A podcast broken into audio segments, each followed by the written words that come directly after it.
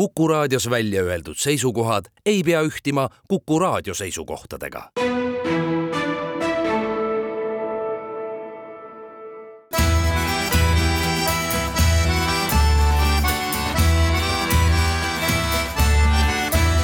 Kirillitsas Eesti.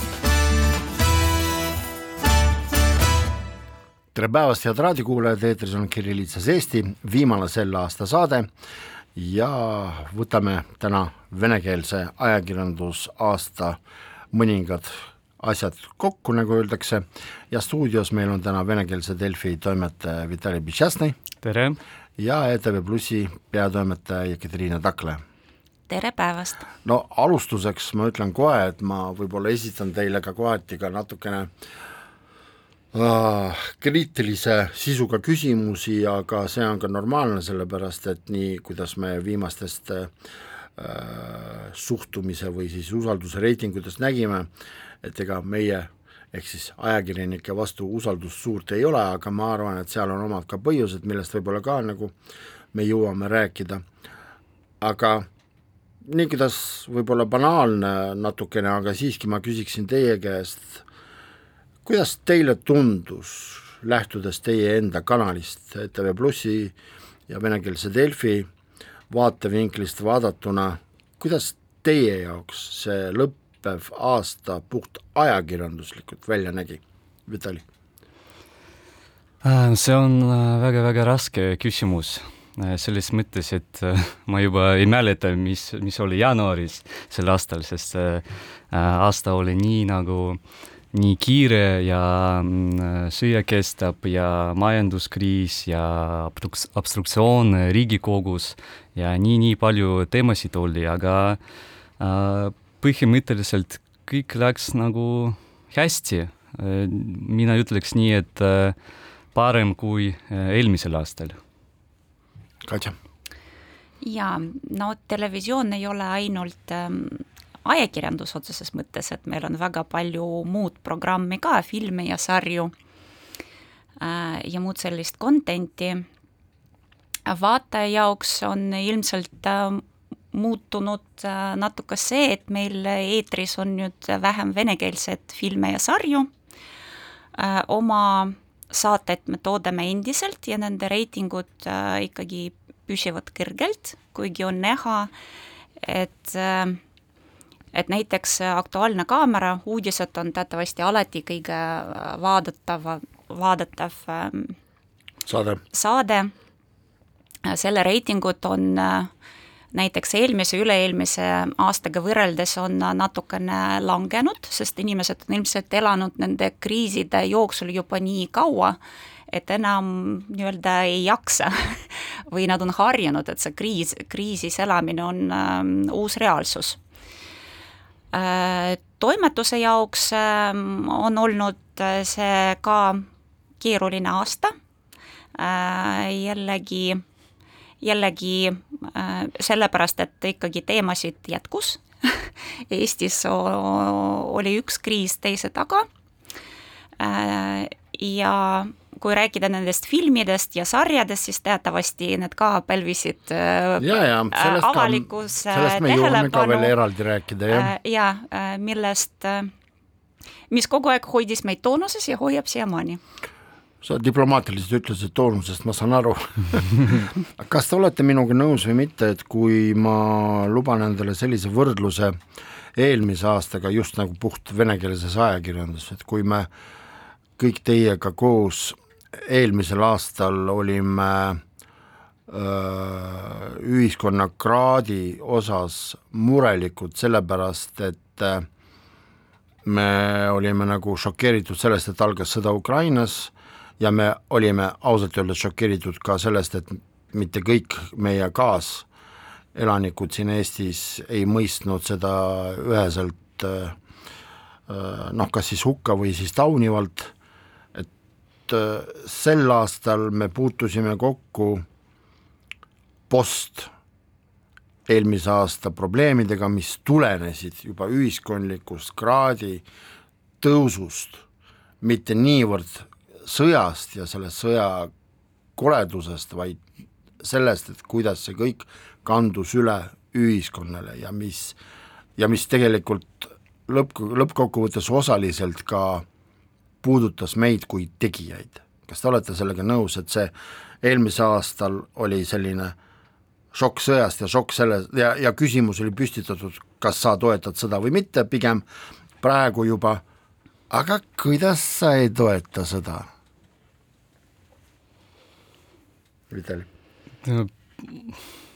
ma, ma ei tea, ma seda äh, ei tunne ausalt mm -hmm. öeldes, et äh, minu käest mitte keegi mitte kunagi ei küsinud, kas sa toetad või ei toeta ja ma ei näe, kes seda võiks nagu küsida tegelikult, et äh, selles kontekstis äh, vot see nii-öelda murekoht äh, selles äh, kontekstis, mis sina juba rääkisid, oli ainult äh, minu meelest äh, valimised Narvas. et see koos äh, ma ei tea, partei või kuidas seda nimetatakse, vot ainult seda näitas äh, Eesti ühiskonnale, et äh, meil on mingid probleemid äh, seotud riigiga või üldse nagu usaldusega riigi üle. ja vot see Aivo Peterson, Oleg Ivanov ja teised tüübid on, näitasid, et Narvas ja Narva elanikuga äh, võiks nagu rääkida na-, natukene teisiti ja see nagu mm, ja, ja inimesed Narvas tulevad selle vastu, nagu nende, nendele seda väga meeldib, ku-, kuna no nii, nii reitingud näitavad ja valimis, valimiste tulemused äh, näitasid. Katja, mis sa arvad sellest võrdluses ühiskondliku kraadi suhtes? No äh, ühiskondlik kraad, ma arvan, püsib kõrgel, nagu sa ütlesid, et kõigepealt kõik oli ehmatuses sõjast, eks ju, kuidas me saame Ukrainat äh, aidata, mis me saame selleks siin teha, aga edasi, kui kõik see nii-öelda toetus oli juba kuidagi teel ja ühiskond oli toetav, siis äh, siis inimesed, inimesed võib-olla hakkasid rohkem äh, pöörama tähelepanu, nagu sa mainisid, et kuidas meedia käitub, eks ju, mida ta näitab, mida ta kirjutab, mida ta kajastab. Äh, ja siis mulle tundub, et vahel mm, võib-olla minnakse natuke isegi üle piiri, näekse mingitest asjadest midagi, mis, mida seal tegelikult ei ole või mis ei ole nagu, ei olnud mõeldud nii, ja ajakirjandust äh, või teleprogrammi ei olegi võimalik noh, vahel tehagi, sest kus see piir jookseb, eks ju, mis on aktsepteeritav ja mis ei ole ja mis on taunitav. vot see on see väljakutse, mis, mis, äh, millega sellel aastal me silmitsi seisame. aga kuidas teile tundub, kas meie auditoorium, kui rääkida äh, saate esimeses pooles üldistest asjadest, kas meie auditoorium on võrreldes eelmise aastaga ka muutunud või ei ole? ma ei usu, ma ei usu et äh, minu meelest kõik need inimesed, kes äh, loevad äh, lugusid äh, netist, Delfist või Postimehest või IRR-ist või vaatavad äh, ETV Plussi, nad on äh, jäänud samasugused. ja teine, teine trend on selline, et kõik rohkem ja rohkem inimesi hakkavad uudiseid lugema sotsmeediast, ja eriti Telegramist. Telegram on praegu äh, minu arvates kõige populaarne ja äh, iseseisev äh, platvorm, kus saab nagu kirjutada mis, mis iganes, seal on äh, Z-blogerid, seal on ka äh, teised äh, sõltumatud äh, ajakirjanikud. Ja vot äh, seal on praegu rohkem inimesi, aga nii Delfis kui ka teistes äh, Äh, allikates on äh, auditoorium jäänud nagu samaks. kuidas, kuidas on lood äh, ETV Plussi auditooriumiga, kui võrrelda eelmise aastaga? ma ei mõtle praegu niivõrd reitinguid kui numbreid, aga on mingisugused indikatsioonid suhtumise osas? no selles mõttes me, me, no me teame ka statistiliselt, et inimesed, osa inimesi on lihtsalt läinud televisioonist era, et nad lihtsalt loobusid telekomi pakettidest äh, ja tarbivad ikkagi seda venekeelset meediat mis nad olid harjunud tarbima kuskilt internetist ilmselt või mingisuguste VPN-ide või, või antennide kaudu. Ähm, ja noh, muidugi on äh, väga kahju, et me oleme neid äh, praegu kaotanud, et venekeelsest, kui rääkida venekeelsest auditooriumist, kui ähm, enne sõda umbes kolmkümmend protsenti venelastest või kolmkümmend protsenti nende vaatamisest, kui nad midagi nagu vaatasid, tarbisid mingit meediat, kolmkümmend protsenti, nad tarbisid mingisugused kanalid, mis ei ole Emori poolt mõõdetavad. Sest... ehk siis äh, Venemaa kanalid? Äh, kas Venemaa kanalid mm -hmm. internetist või äh, sotsiaalmeediat, Youtube'i, Netflixi vaatasid mm -hmm. näiteks, sest nüüd on see number seitsekümmend protsenti Äh, ja kui rääkida eestlastest, siis see oli umbes kakskümmend, kakskümmend viis ja, ja püsib samal tasemel. Ja see on see, selles mõttes, et selle Vene kanalite kinnikeeramisega selle selline nagu üks, üks tulemustest on see, et osa inimesed lihtsalt läksid ära televisioonist. teeme siinkohal väikese reklaamipausi, pärast jätkame saadet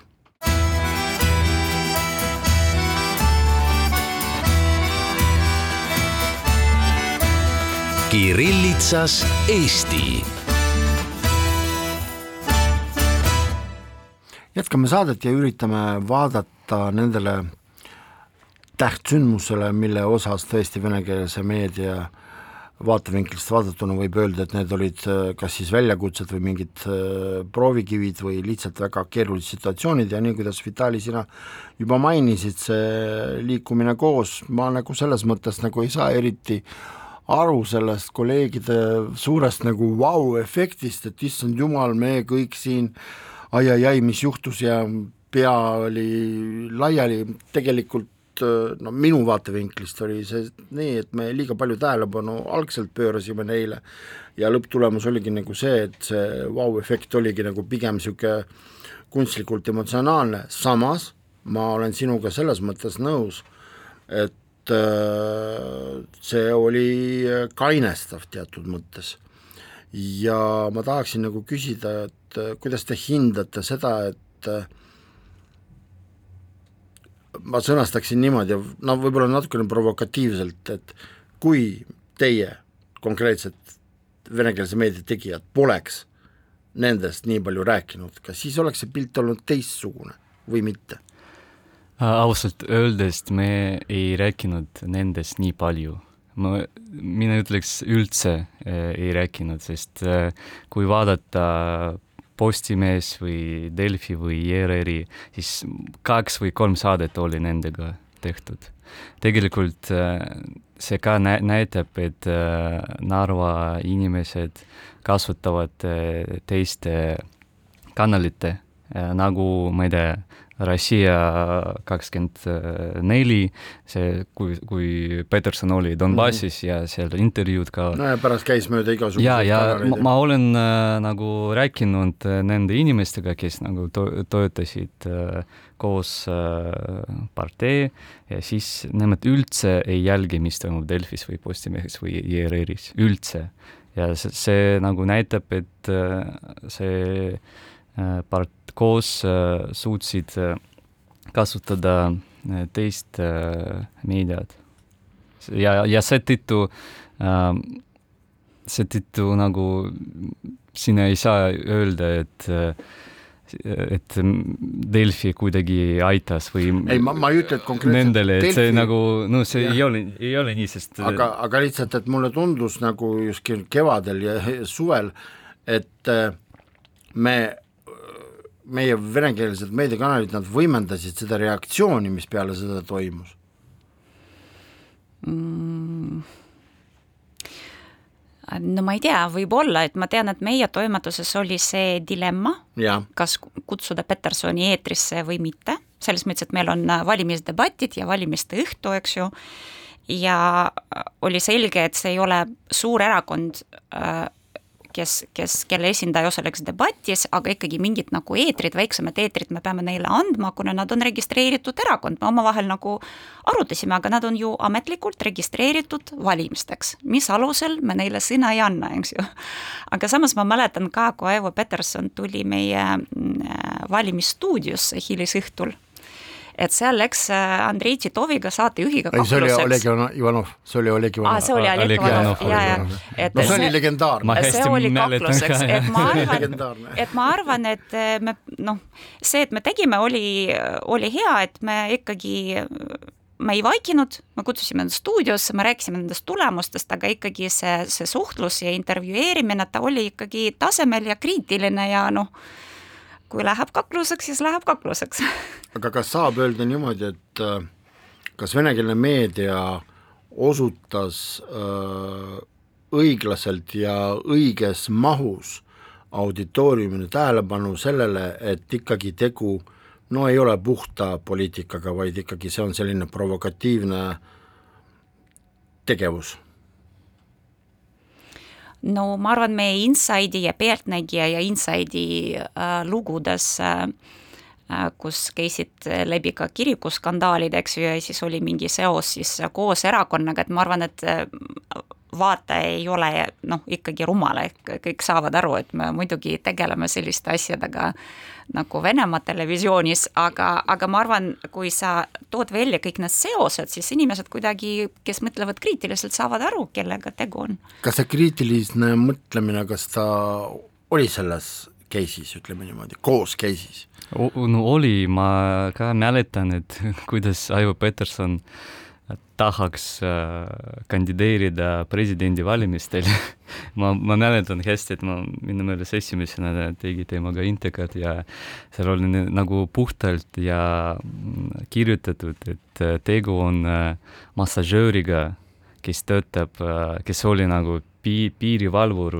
Jaa, ta oli kunagi piirivalvur, tagasi ja, ja see on, no see on, no ma ei tea, kuidas seda nimetada üldse, see tegu nagu klouniga või ma ei tea kellega.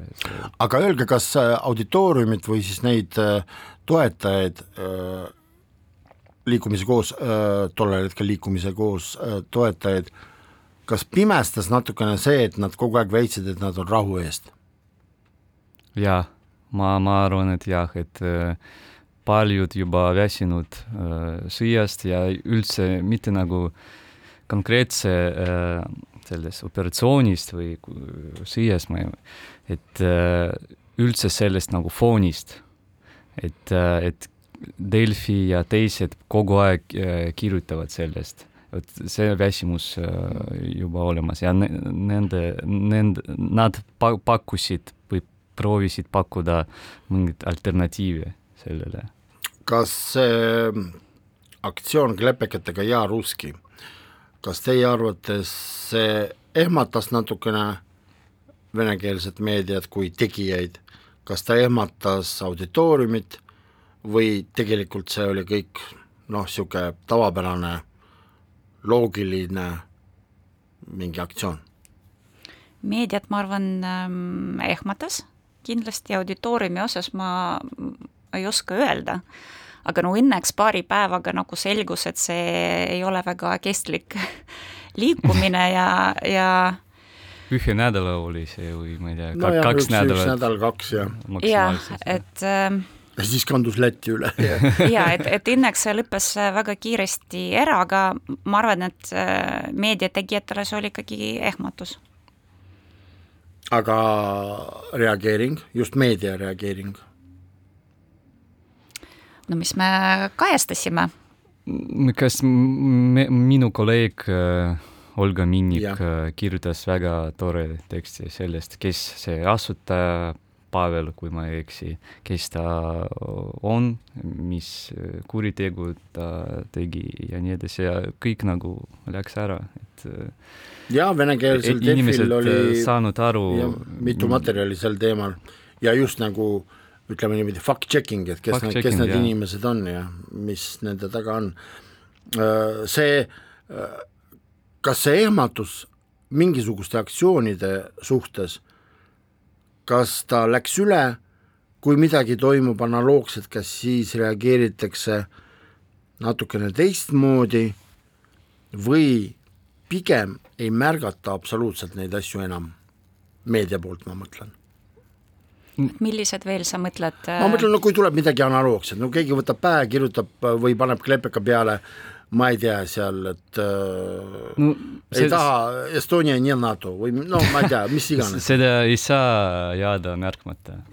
no me, me, meedias nii ei saa teha, minu, minu aru, arvamus on selline, et meedias sa pead kirjutama äh, ükskõik, mis toimub, kui see on nagu, pakub huvi äh, lugejatele, siis sa pead sellest kirjutama. aga millega sa siis seletad seda fakti, et näiteks äh, just nagu meedia venekeelne meedia Eestis ka eriti ei huvitunud sellest, mis oli noh, sellesama Hansomi äh, saatusega, Tšaulini saatusega, Jessakovi saatusega, me praegu ei puuduta Yana Toomi äh, mingeid asju, aga puht niimoodi, et äh, tähendab, et mul on jäänud selline mulje, et kõik need asjad nõndanimetatud Kremli-meelsete aktivistide osas, nad ei kõneta auditooriumit, isegi venekeelset auditooriumit, kuigi peaks eeldama, et võib-olla see oleks huvitav? no vastupidi minu meeles, et äh, meil on hästi äh, palju vaatamisi oli selle, selles tekstis, kui sa, kes äh, lasti välja nagu jaa, aga siin mina teeksin vahet äh, huvi fakti kohta, et Aha. võeti kinni või deporteeriti aga see, mis edaspidi toimub, kuidagimoodi ei huvita see inimes-, nende inimeste saatus. või ma tõesti eksin? no vist, kus see oli plahvatus Peterburis. see, kus seal oli, kes Julian ja üks äh, Tribuna välisautor ka. no vot ja, ja Facebookis äh, oli palju kommentaare selle kohta. Aga üldse, kas nende nõndanimetatud aktivistide elu ja saatus äh, läheb korda või ei lähe? no vot, meil ei ole vaata klikke, et ma ei oska nagu aga noh, niisugune ajakirjanduslik tunnetus, mis ütleb äh,? ma ei teagi, no pigem ma ütleks, ma ütleks televisiooni puhul, et kui me, kui me pühendume mingit mõned minutid nagu eetrit sellele, et sellest, sellega me nagu piirdume, et see, me ei puhu seda nagu väga suureks, et me ilmselt ei hakka tegema nädala intervjuu sel teemal või me ei ole teinud. et mina proovisin äh, võtta ühendust äh, äh, mõne isikutega näiteks? Neprimerov näiteks, kes, ma enne, enne selle, seda juhtumist ma äh, hästi palju äh, rääkisin temaga, ta oli nagu see Tšernobõli päästja ja ta nagu eitas, ta ei, ei, ei taha meediaga rääkida. Mm. Mina teeksin, kui, kui oleks võimalus. selles mõttes on äh, keeruline ka intervjuusid teha, sest noh, kui inimese vastu on alustatud mingi, mingisugune eks ju, asi, ma ei tea, kriminaalasi, mingi kahtlus, siis tegelikult noh, sa ei saagi infot, politsei ei räägi sulle midagi, seda inimest sa kätte ei saa, et kes siis seda kommenteerib edasi. et on olemas mõned faktid, mida sa nagu ütled välja, aga edasi sellega minna on väga keeruline, et äh, portaalides võib teha mingi tausta, eks ju, kontrolli, äh, fakti koguda ja siis anda lugejale seda lisainfot, aga televisioonis on natuke keeruline sellega. Huvitav on see, et kui rääkida nendest aktivistidest, siis vähemalt kaks nendest on oma äh, mingisugustes avameelsustes, mis ei ole antud teile vaid teistele meediakanalitele, mida nad ise võib-olla valivad ja võib-olla ka juhivad, mõned neist, et äh, Nad ei ole absoluutselt äh, rahul sellega, kuidas neid Venemaa vastu võttis.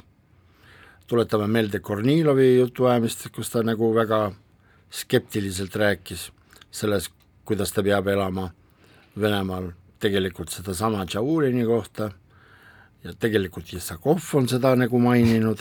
ja mulle räägiti, et need inimesed, kes elavad praegu Venemaal mm, -hmm. kes saad-, saadeti välja nemad helistavad äh, taksole ja paluvad, et tuleks nagu välisauto, mitte, mitte Žiguli või ma ei tea, Vas, ma ei tea, sest ne, ne, nendele ei meeldi Žiguliga reisida. vaata, noh, huvitav, mis, mis linnades nad elavad, et no, no üks elab Moskvas, teine elab Peterburis, Ivangorodis. Ivangorodis ja no Ivangorodis võib-olla, aga no, ma ei usu, et eh, Moskvas ja Peterburis Žiguliga keegi liigub. liigub, no laadad, eks ole. tegemist on Ivangorodiga kindlasti, jah. aga teeme väikese reklaamipausi, pärast jätkame saadet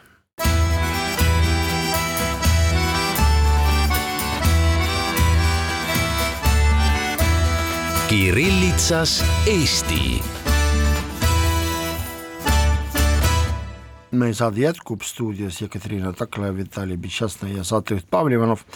Äh, me sinuga, Vitali, üleeile osalesime ETV Plussis diskussioonisaate Epitsenter salvestuses, kus ka nagu võeti kokku aasta ja üks äh, nõndanimetatud probleemsetest või siis äh, olulistest äh, teemadest, mis selle aasta jooksul siis tõstetus, saatejuhi poolt oli välja toodud see, et paljudele vist ei meeldinud see, kuidas siseminister Läänemets äh, hoiatas äh, meie riigi elanikke, eriti nagu neid, kellel ei ole mitte mingisugust kodakondsust, et et kui te võtate Venemaa kodakondsuse, et arvestage sellega, et teil nagu sellega kaasnevad probleemid.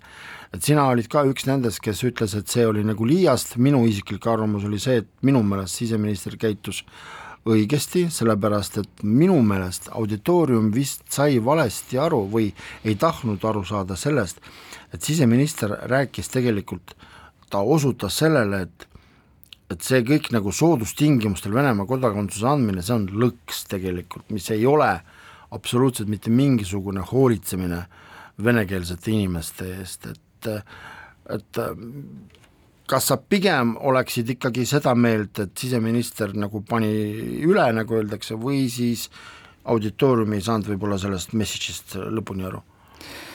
no mina pidin silmas, et Läänemets äh, nagu tõsi, võiks äh, teisiti natukene öelda seda, et aga kuidas see oleks? näiteks, näiteks meil on, äh, kui ta ütleks, et meil on tasuta keelekursused, äh, meil on B, B1 ja et Eesti kodakondsuse saada vaja, et see ei ole nagu kõrge tase meil on, me, me kõik siin elame, te elate siin nagu terve aasta te,, terve elu ja me oleme koos, me oleme nagu kogu, ma ei, ma ei tea, pere või kuidagi nii, et äh, siin koos elame, maksame maksu ja, ja nii edasi, et äh, kuidagi, kuidagi pehmem mina tahaks, et tema ütleks, et äh, saada nagu kursustele, õppige eesti keelt ja kõik nagu siin eestlased oleme aga samas ta ju nagu siseministri reageering oli ju nagu öeldakse de facto sellele, mida juurutas Venemaa Föderatsioon läbi oma nende seadusemuudatuste, mis võimaldavad soodustingimustel kodakondsuse saamise, see oli ju tegelikult emotsionaalne. see oli nagu selline väga, väga kaval lüke, mis pidi arvutuste järgi toimima puht emotsionaalselt, mitte mingisugusel äh, praktilisel äh, kaalutlusel, sellepärast et sellest praktilisest, äh, nendest asjadest me oleme juba ammu rääkinud ja me teame seda, et hall pass on tegelikult puhtpraktiline mugav asi praegu. mis sa, Ekaterina no, arvad? ma arvan kas... ka, et, et see oli selline nagu ähm, kiusamine natukene, samamoodi nagu nende migrantide saatmine piirile, eks ju. Et natuke seda sa mõtled kiusamine kelle poolt? Venemaa poolt. Ah., et, et natuke siis emotsioonikraadi siin tõsta nendest Balti riikidest, eks ju, sest äh,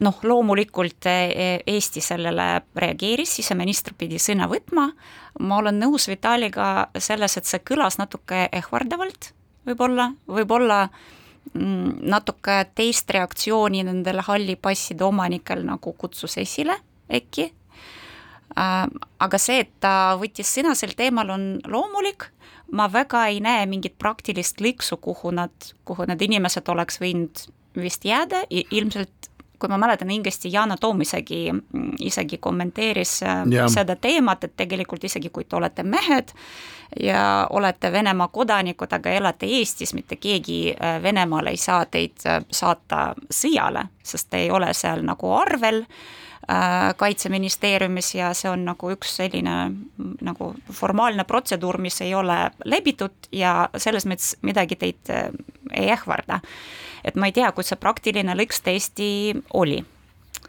aga emotsionaalselt see mõjus. samas sa, Vitali, ütlesid ka seda, et äh, teisel teemal, ehk siis nagu piir ja piiriprobleemid Venemaaga, et äh, siin juba meie jõuminister esines palju sobilikumalt sinu arvates no jaa, et äh, tema leidis äh, teist äh, sõnumit minu meelest äh, selles, selles kontekstis, et piiriga meil praegu läks hästi, et ta ütles, et seda võiks nagu äh, juhtuda, et piir läheks kinni, aga ta nagu kõik tegi hästi. aga vot mul on selles küsimuses teile küsimus, kas teil kui Vene tegevajakirjanikel, kas teil õnnestus viia auditooriumini seda sõnumit, et tegelikult see ei ole Eesti Vabariigi mingisugune jonn, et me võime piiri kinni panna, vaid see on teise riigi tulemuste resultaat. et kas see teil õnnestus või mitte? no me, me rõhutasime seda kogu aega, aga ausalt öeldes ei, ei õnnestunud, et mm. paljud äh, ei usaldanud, et seal on mingid migrandid ja inimesed äh, rääkisid, et nad ei, ei näinud neid piiri peal ja aga noh, samas need videokaadrid sellest, kuidas piirivalvurid suhtlevad nende migrantidega, nende seal plakatid joonistatud ja sõnavõtud, kõik see oli eetris Äh, ERR-is ma ei tea, mul jällegi puudub tagasiside selle kohta, aga mulle tundub, et kui me meie inimestele ikkagi näitame pilti, et noh, ja seletame, et äh, kuulge, faktid on sellised, et siin on piirivalvurid ja siin on need migrandid ja tõesti nad seal olid, eks ju, ja meie Juri Nikolaev äh, raporteerib seal äh, silla pealt, ehk ma arvan, see on selge, et mulle tundub, et pigem siis Venemaa venelased sellesse ei usu ei usu nendesse migrantidesse, kuigi seal on ka erinevad inimesed, äh, mõned arvavad, et äh, Venemaa ametnikud siis teenivad selle pealt, et nad äh, siis võtavad altkäemakse, eks ju, lubavad nendele migrantidele midagi, saadavad need piirile, saavad selle eest oma tasu ja siis migrandid on siis äh, nagu tühja peal. seal Venemaa venelaste reaktsioonis sellele, mis toimus Soome-Venemaa piiril, oli muuhulgas tõesti äh, osaliselt oli nördimus, sellepärast et kohalikud inimesed, kes elavad piiriäärsel, piiriäärses äh, regioonis, nad nägid, et issand jumal, isegi meid, kohalikke inimesi, ei lasta kolmkümmend kilomeetrit piirini, aga nemad jumala eest, palun vaba, palun vaba taksosõit isegi. et seal ikkagi reaktsioon oli küll olemas. kuulge, aga kui äh, rääkida veel nii-öelda rasketest äh, teemadest aasta jooksul äh,, te muidugi venekeelses Delfis antikangelased, aastaga antikangelased number üks kohale panite Kaja Kallase. kuidas teie arvates ka venekeelne auditoorium võttis vastu äh, selle nõndanimetatud skandaali, kus siis äh, selgusid mingisugused ähm, asjaolud, mis puudutasid äh, peaministri abikaasat ja tema Venemaa business'it, et just nagu selles mõttes, et see, see, seda oli huvitav nagu jälgida, ma ei oskagi isegi nagu mm, te oskate, tähendab, selles mõttes te oskate paremini analüüsida seda, et kas see seik, et isegi peaministri abikaasa osaleb business'is Venemaaga, kas see oli pigem võetud kui noh, näete, kui tubli kas oli võetud vastu, näete, kui mittetubli kahepalgeline või oli mingisugune kolmas joon, et ala, et sanktsioonid ei tööta, midagi sellist? no Kaja Kall-, Kallase puhul see, see oli minu valik ja ütlen otse, et teist kandidaati pole minu arvates ja äh, lugejatele seda väga-väga meeldis, et nad oleksid nõus sellega täiesti. ja kui see idaveedu skandaal tuli, sest kõik juba, no arusaadav, et noh, see on Kaja Kallas, et äh, midagi muud oodata tema poolt äh, ei saa üldse. no ja, et selles mõttes, et me ju teame, kuivõrd äh, mitte positiivne, ma ei saa öelda, et negatiivne, aga mitte positiivne suhtumine on nagu venekeelse auditooriumi puhul temasse, et äh, ma sain nüüd sinu vastusest aru, et see oligi nagu loogiline. jaa, see on hästi-hästi loogiline ja see on äh, see oli väga loogiline, et nad äh, ootasid seda tema poolt, et no see on Kaja Kallas, no vot, näete, et siis ma, ma, ma, mul, mul oli õigus, et äh, miks ma ei meeldi Kaja Kallas. aga kes oli, Katja, sinu arvates suurem pettumus, kas Lehtme juhtum või äh, Kaja Kallase juhtum? no minu jaoks mõlemat, ma ütleks. mõlemad? võrdselt. ei no nii Lehtme kui Kaja Kallas, et no see on ikkagi no see on kogu rahva petmine nii-öelda, nii ühe kui, kui teise poolt aga miks sa, Vitali, niimoodi imestasid? no Lehtme kindlasti on ka, mina ütleks teisel kohal antikangelaste seas, aga Kaja Kallas ikkagi peaminister no see on no. Äh, kõrgem ametnik. ei no aga siin sa ikkagi võtad, noh, inimesed on heast usust, heast tahtest, annetavad oma raha ukrainlastele, mis läheb kellegi ja, taskusse. suur pettumus, jah no see on ikkagi noh, no see pani ikkagi löögi alla kogu selle ähm, usaldust, ma ei tea. usaldust ja, ja ja kõik need heategevuskampaaniad ja raha kogumist kampaaniad kohe, kohe nagu kukkusid kolinalt alla. kusjuures sõltumata isegi sellest, et ühiskonnas ei suhtuta üheselt Ukraina põgenikesse, kes siin on, või Ukraina ohvritesse, kes kannatavad seal, et äh, me peame seda ka kindlasti arvestama.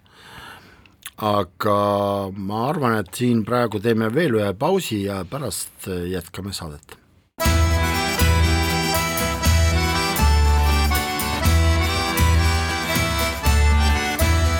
Kirillitsas Eesti.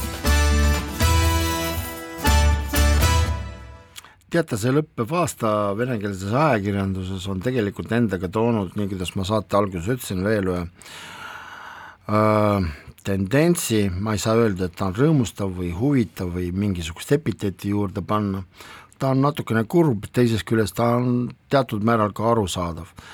et äh, näiteks sina, Katja, tunnetasid seda isiklikul nahal, kui äh, kahjuks nagu kollegiaalselt olid äh, mingisugused äh, ajakirjanduslikud rünnakud seoses ETV Plussi filmivalikuga. jah, sa siinsamas stuudios rääkisid, et, et probleem oli õigustatud, et tõesti mingid möödalaskmised olid, aga see sügav silmavaatamine, noh, Jekaterina Takla mis filme sa siin näitad meile riigi raha eest?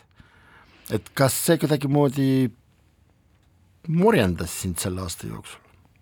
või vastupidi no,, see oli hea? võib-olla mitte see, minu suurem mure on see, mida me edaspidi hakkame näitama venekeelse kanalina. et nagu tellimus on see, et tehke venekeelsed kanalid, aga sisu vene keeles ärge näidake sest kust me võtame seda venekeelset sisu, noh, selge on see, et me toodame oma programmi, mis on kolm ja pool tundi päevas, ülejäänud on hanke content. ja nagu ma korduvalt rääkisin, kust me seda võtame, Venemaalt me ei saa seda enam osta, isegi kui me oletame, tahaksime mingit süütut, eks ju, filme või sarju hankida, see, see pole võimalik ja ma ei tahagi toetada rahaliselt Venemaa filmitööstust. Ukrainast paraku ka ei ole võimalik saada nii palju ja nii head kvaliteediga content'i, kui me tahaksime. ja mõned ast-, mõned äh, pealt vaadates sellised süütud äh, teosed, nagu D'Artagnan ja Kolm musketäri või elektrooniku seiklused äh, lähevad eetrist maha, sellepärast et äh, Mihhail Bajarski on midagi öelnud, e-, et elektrooniku üks nendest kaksikutest on, on midagi postitanud, äh, kes on siis, siis oli mingi kümneaastane poiss ja nüüd ta on viiekümneaastane mees. Ja siis lõpuks, mida me siis näitame? Ja noh, raha on kulutatud, filmid on ostetud, eetrisse nad minna ei saa, mida me asemele näitame. ja minu mure on, on, seisneb selles, et me aina rohkem, muidugi ERR ostab palju, sest meil on veel ETV, meil on ETV2 ja me saame kõike seda content'i jagada, aga me hakkame liikuma ilmselt sinna nagu suunda, et äh, meil on üks ja sama sari, mida me näitame, ma ei tea, sügisel ETV-s ja kevadel ETV Plussis, ehk see valik ka Eesti vaataja jaoks hakkab nagu kitsamaks minema.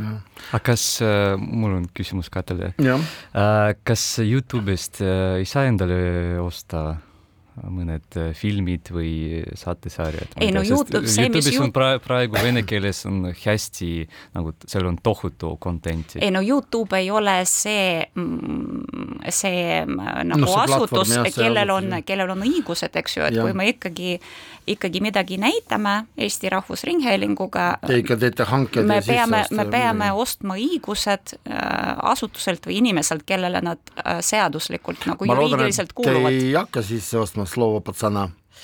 Ehk siis kutisõna, mis on praegu mida nimetatakse, jah, see on praegu Venemaa kaasaegne seriaal, mida nimetatakse tegelikult banditismi romantiseerimiseks. no ma ei tea, kas ta on romantiseerimine. Äh,, muidugi me ei hakka seda ostma, me ei saa seda osta. Ja isegi kui me saaksime, ma arvan, ta on ikkagi liiga vägivaldne meie kanali jaoks. No,. väga kahju, minu meelest reitingud oleksid nagu topis. Tead, ma arvan, et äh, see ideoloogiline antireiting oleks kõrgem. aga Vitali, sina sel aastal tegelikult teie toimetus puutus ka väga huvitava asjaoluga, et te pidite natukene reageerima ka sellele, et leidus ka väljaanne, kes osutas teie kaadrivalikule.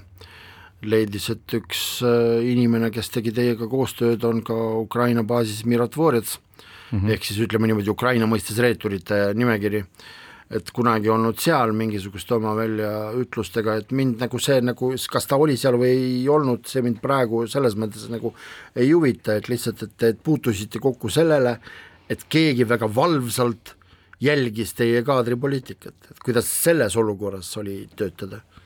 no ma ei hakka praegu kritiseerima oma kolleege, aga aga te kannatasite ju nende pärast jah, no see nagu nii kaasaegne maailm praegu selline, et canceling kultuur, nagu öeldakse eesti keeles, on äh, hästi populaarne, aga Eestis äh, tegelikult äh, ei ole nii nagu äh, Lääne-Euroopas. aga rääkida kaadridest, et äh, venekeelses ajakirjanduses praegu olukord minu meelest on kehv sellega, et leida üles äh, inimesi, kes oskaks vene keelt hästi, et kirjutada äh, artikleid, eesti keelt, et rääkida poli-, poliitikutega ja no tahaks, et inglise keelt ka, et äh, see ikkagi me oleme Euroopas ja siin ka palju külalisi. Vot sellega on probleem, et Tallinna Ülikoolis ega Tartu Ülikoolis ei õpeta vene keeles rohkem no viis aastat juba. jah, kui mitte rohkem, jah. kui mitte rohkem ja kust leida neid inimesi, kes äh, homme äh, hakkavad äh, töötama äh, meie juures? võib-olla jätkates seda teemat, võib-olla tähelepanuväärne sellel aastal on, on see, et äh, vähemalt kaks äh, väga tugevat äh, venekeelset ajakirjanikku Eestis on äh, liitunud nüüd eestikeelsete toimetustega. See on Uljana Kuzmina, kes nüüd ju, juhib Impulsi ETV-s ja äh, Polina Volkova, äh, kes läks siis Delavõi Vedemosti juhi kohalt Äripäeva toimetusse ajakirjanikuks. võib-olla neid näiteid on veel, aga selles mõttes me hakkame kuidagi meie venekeelse meedia vaesemaks jääma ka seetõttu, et need inimesed, kes on nagu üles kasvanud, lähevad ma, üle. ma siin võtan sabas kinni ja juhin tähelepanu, et äh, ka näiteks äh, Vitali toimetuse äh, positiivsed kangelased sel aastal on Alika Milova, kes esindas Eestit Eurovisioonil, vabandust, see, mida teeb ujuja Eneli Jefimova. Jefimova, see on äh, lihtsalt nii, kuidas venelased ütlevad, amazing mm. -hmm. et äh, jah, et äh, ja tegelikult no okei okay,, mis seal salata, olgem võib-olla natukene mitte tagasihoidlikud, aga kui isegi meie saade Kirillitsas Eesti sai eelmisel nädalal integratsiooni lõimumise preemia, siis tegelikult mis oli ju võlu selles sündmuses, selles sündmuses oli vähemalt minu jaoks oli võlu see, et üldse selles lõimumise kontekstis oli kuuskümmend neli kandidaati. kuuskümmend neli kandidaati. ehk siis tegelikult äh, et nüüd me jõuame saate lõpupoole, et mis ma, see on nagu sissejuhatus sellele, et kuidas nagu kokku võtta asjad ja vaadata võib-olla tulevikku, et äh, võib-olla mõelgem tõesti selle peale, et me ju märkame neid tegijaid, sõltumata sellest, on see üksikisik, on see organisatsioon, on see liikumine, on see MTÜ, on see kodanikealgatus, et tegelikult me ju kõik ju töötame, nagu öeldakse, ühise asja peal, ühi-, ühise asja eest. ja otsida neid, kes on kunagi midagi viisteist aastat öelnud, viisteist aastat tagasi käis oma pojaga Krimmis, sügavalt silma vaadata, mis filme sa valid, et see nagu tegelikult ongi nagu see pseudo, et tähtis on ju see, et meil on vastupidi, meil on nii palju toredaid mitte-eestlasi, kes tegelikult teevad au Eestile. Mitte ainult riigisiseselt, vaid ka välispoliitiliselt, et võib-olla selles keerulises ja äärmiselt emotsionaalses olukorras võib-olla lõpetada need mingisugused otsingud või mis te arvate? no ma olen nõus, ma ei tea, sa võtsid nii hästi kõike selle kokku. ma ka ei tea, mida lisada sinna juurde aga mida te, mida te ootate puht ajakirjanduslikult, puht oma tegevusest näiteks järgmiseks aastaks? Ma saan aru, et riigi toetus Kultuuriministeeriumi poolt. ja, ja kindlasti. Palgatõus. No mina tahaks, et äh, järgmisel aastal äh, meedias oleks rohkem kirjutatud inimestest just isiksustest, et kõikidel on oma probleemid, oma taust, oma kogemus ja vot sellest, sellest vaja rohkem ja rohkem rääkida, vot ja rääkides hariduse reformist, kus me kokku puutume järgmisel aastal, esimesest septembrist. seal on ka äh, nii palju äh, häid inimesi, kes äh, hakka, hakkavad jääma ilma tööta, et nad äh, on äh, haridussüsteemis töötanud äh, aastaid. Ja järgmisest aastast juba poole, vot äh, see on väljakutse, tegelikult väljakutse, mis, mis värvi, mis tooni meedia valib selles kontekstis. Mm, noh, minul võib-olla oleks ootus avalikkusele, et näha suuremat pilti ja märgata ka need head ja tähtsad asjad, mis venekeelne meedia tegelikult teeb et mitte ainult äh, siis nokkida sealt välja elektroonikud ja kolm musketäri, vaid tegelikult see ajakirjanduslik sisu, mida me toodame, needsamad epitsentrid ja ja Aktuaalsed kaamerad ja nädala intervjuud ja kõik need ähm, KOV plussid ja päevakajalised saated, mis mm, noh, mis tegelikult kiidetakse, kus nagu tõstetakse igasuguseid teemasid. Äh, Teie dokumentalistika, ma mõtlen ETV Plussi dokumentalistika, alates kas või üksikutest lugudest äh, Horisondis või siis äh, hommikuprogrammis, lõpetades äh, Jevgeni Volhonskaja ja Tatjana Kassova projektiga Kojutee, mis räägib lastest ja lapsendusest, see on, ma ütleksin, see on kõva maailmatase. Artur Tülenev ka no, ja, ja ma nagu mitte keegi nii ei, ei filmi Tallinnast või Eestist, mitte keegi teil on väga tublid nagu dokumentalistid tõesti, kes teevadki neid lugusid, millest ka Vitali rääkis, aga meie tänane saade viimane sel aastal on lõppemas, tuletan meelde, et stuudios olid täna Vitali Bitšesna venekeelsest Delfist ja Katriina Takla ETV Plussist, saatejuht oli nagu alati Pavel Ivanov ja saade Kirillitsas Eestis soovib teile ilusaid pühi, normaalset aastavahetust ja kohtume juba aastal kaks tuhat kakskümmend neli